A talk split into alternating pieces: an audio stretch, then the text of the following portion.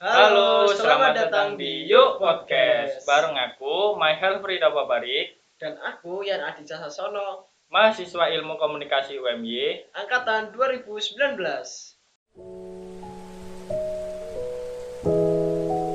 The rain is raining all around. It falls on field and tree. It rains on the umbrellas here and on the ships at sea. Kali ini kita bakal ngomongin tentang penyiaran. Ngomong-ngomong soal penyiaran, aku jadi penasaran nih, gimana ya caranya sinyal TV dan radio bisa sampai ke tempat kita? Jadi gini, sinyal TV dan radio bisa sampai ke tempat kita karena adanya frekuensi gelombang elektromagnetik. Hah? Apaan tuh? Coba jelasin. Gelombang elektromagnetik adalah gelombang yang dapat membawa pesan berupa gambar atau suara dan bersifat dapat mengarungi udara dalam kecepatan tinggi mencapai 300.000 km per detik sehingga dapat dipancarkan ke mana saja. Wah, keren tuh. Tapi katanya, manusia cuma dapat mendengar frekuensi rendah sekitar 20-20 ribu Hz. Bener banget, 100.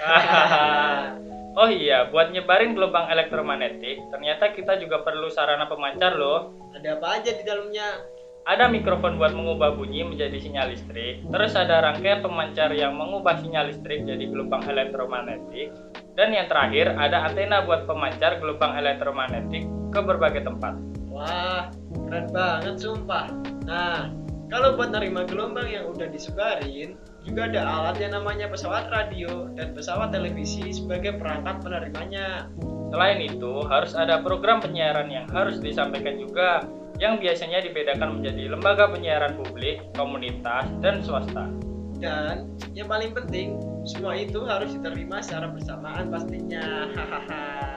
Oh gitu, jadi intinya syarat penyiaran tuh harus ada spektrum frekuensi radio, harus ada pemancar, perangkat penerima juga, program acara jangan lupa. dan yang terakhir harus diterima secara serentak.